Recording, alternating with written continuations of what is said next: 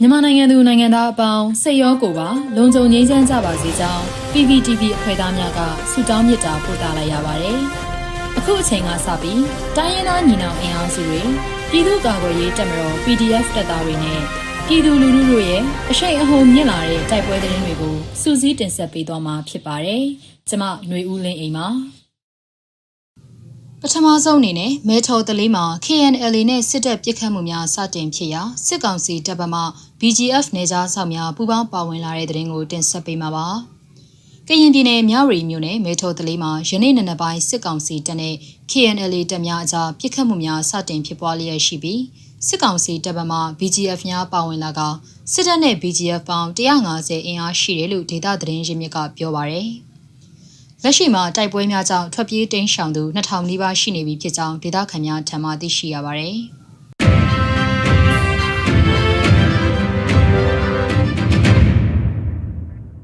ဆက်လက်ပြီးပလဲနဲ့ချောင်းဦးမြို့များမှာစစ်ကောင်စီတပ်တွေအထိနာတဲ့တဲ့ရင်ကိုတင်ဆက်ပေးမှာပါ။မင်းညနဲ့ဒီကနေ့မနက်ပိုင်းတွေမှာဖြစ်ပွားခဲ့တဲ့မိုင်းဆွဲတိုက်ခိုက်မှုကြားဖြတ်တိုက်ခိုက်မှုတွေကြောင့်ပလဲနဲ့ချောင်းဦးမြို့များမှာစစ်ကောင်စီတပ်ဖွဲ့ဝင်၁၀ချီထိခိုက်ခဲ့တယ်လို့ဒေသခံကာကွယ်ရေးအဖွဲ့တွေကဆိုပါရယ်။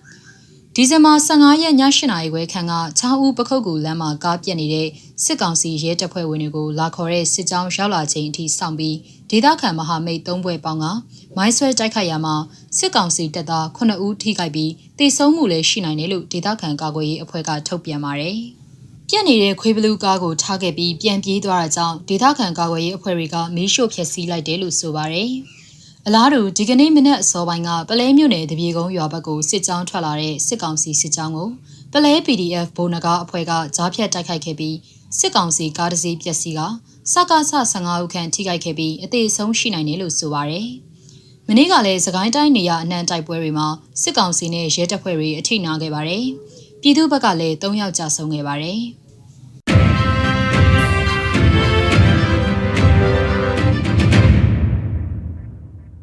ကရင်ပြည်နယ်လွိုက်ကော်နဲ့ဒီမော့ဆိုမှာစစ်တပ်နဲ့ကရင်ပြည်တပ်ဖွဲ့တွေကြားတိုက်ပွဲဖြစ်ပြီးစစ်ကောင်စီဘက်မှ၄ဦးသေဆုံးတဲ့တဲ့ရင်ကိုဆက်လက်တင်ဆက်ပေးမှာပါ။ကယားကရင်ပြည်နယ်မြို့တော်လွိုက်ကော်နဲ့ဒီမော့ဆိုမြို့နယ်များမှာအကြမ်းဖက်စစ်ကောင်စီတပ်နဲ့ကရင်ပြည်ပူးပေါင်းတပ်ဖွဲ့တွေကြားယနေ့နနက်10:00နာရီမှစတင်ကတိုက်ပွဲတွေဖြစ်ပွားနေကြောင်းကနဦးသတင်းရသိရှိရပါတယ်။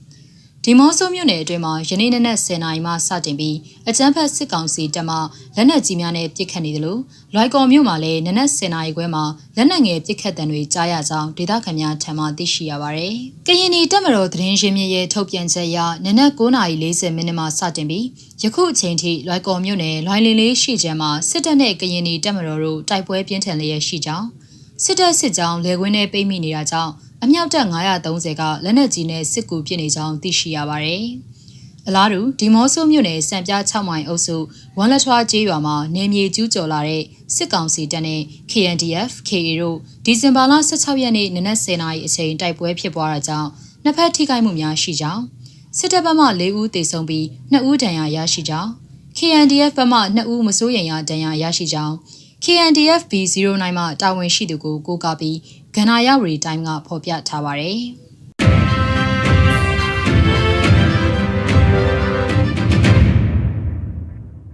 နောက်ဆုံးအနေနဲ့အမျိုးသားညီညွတ်ရေးအစိုးရပြည်ထရေးနဲ့လူဝင်မှုကြီးကြပ်ရေးဝန်ကြီးဌာနကဒီဇင်ဘာ16ရက်ရက်စွဲနဲ့ထုတ်ပြန်တဲ့ပြည်သူ့ခုခံတော်လှန်ရေးသတင်းအချက်အလက်တွေကိုတင်ဆက်ပေးသွားမှာပါ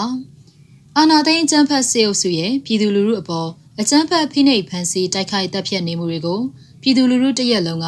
အသက်ရှင်တန်ရေးအတွက်မိမိကိုယ်ကိုမိမိခုခံကာကွယ်ပိုင်ခွင့်အရာပြည်သူခုခံစစ် People's Defensive Forum ကိုဆင်နွှဲလျက်ရှိပါတယ်။သတင်းဆက်လက်များအရ15ရက်12လ2021ရက်နေ့မှာစစ်ကောင်စီတပ်ဖွဲ့ဝင်80ဦးသေဆုံးပြီးထိခိုက်ဒဏ်ရာရရှိသူ12ဦးအထိခုခံတိုက်ခိုက်နိုင်ခဲ့ပါတယ်။ဆီယနာရှင်စနစ်မြမမြေပေါ်မှာအပီးတိုင်ခြုံငင်းရင်းနဲ့ Federal Democracy တည်ဆောက်ရေးအတွက် ငင်းချမ်းစွာဆန္ဒပြတဲ့လူလူတပိတ်တိုက်ပွဲများကပြည်내နဲ့တိုင်းဒေသကြီးတွေမှာဖြစ်ပွားပေါ်ပေါက်လျက်ရှိပါတယ်။မြေပြင်မှာယခုတွေ့ရတဲ့သတင်းအချက်အလက်တွေထက်ပို၍ဖြစ်ပွားနိုင်ပါတယ်ရှင်။ရေတော်ဘုံအောင်ရမည်ရေတော်ဘုံအောင်ရမည်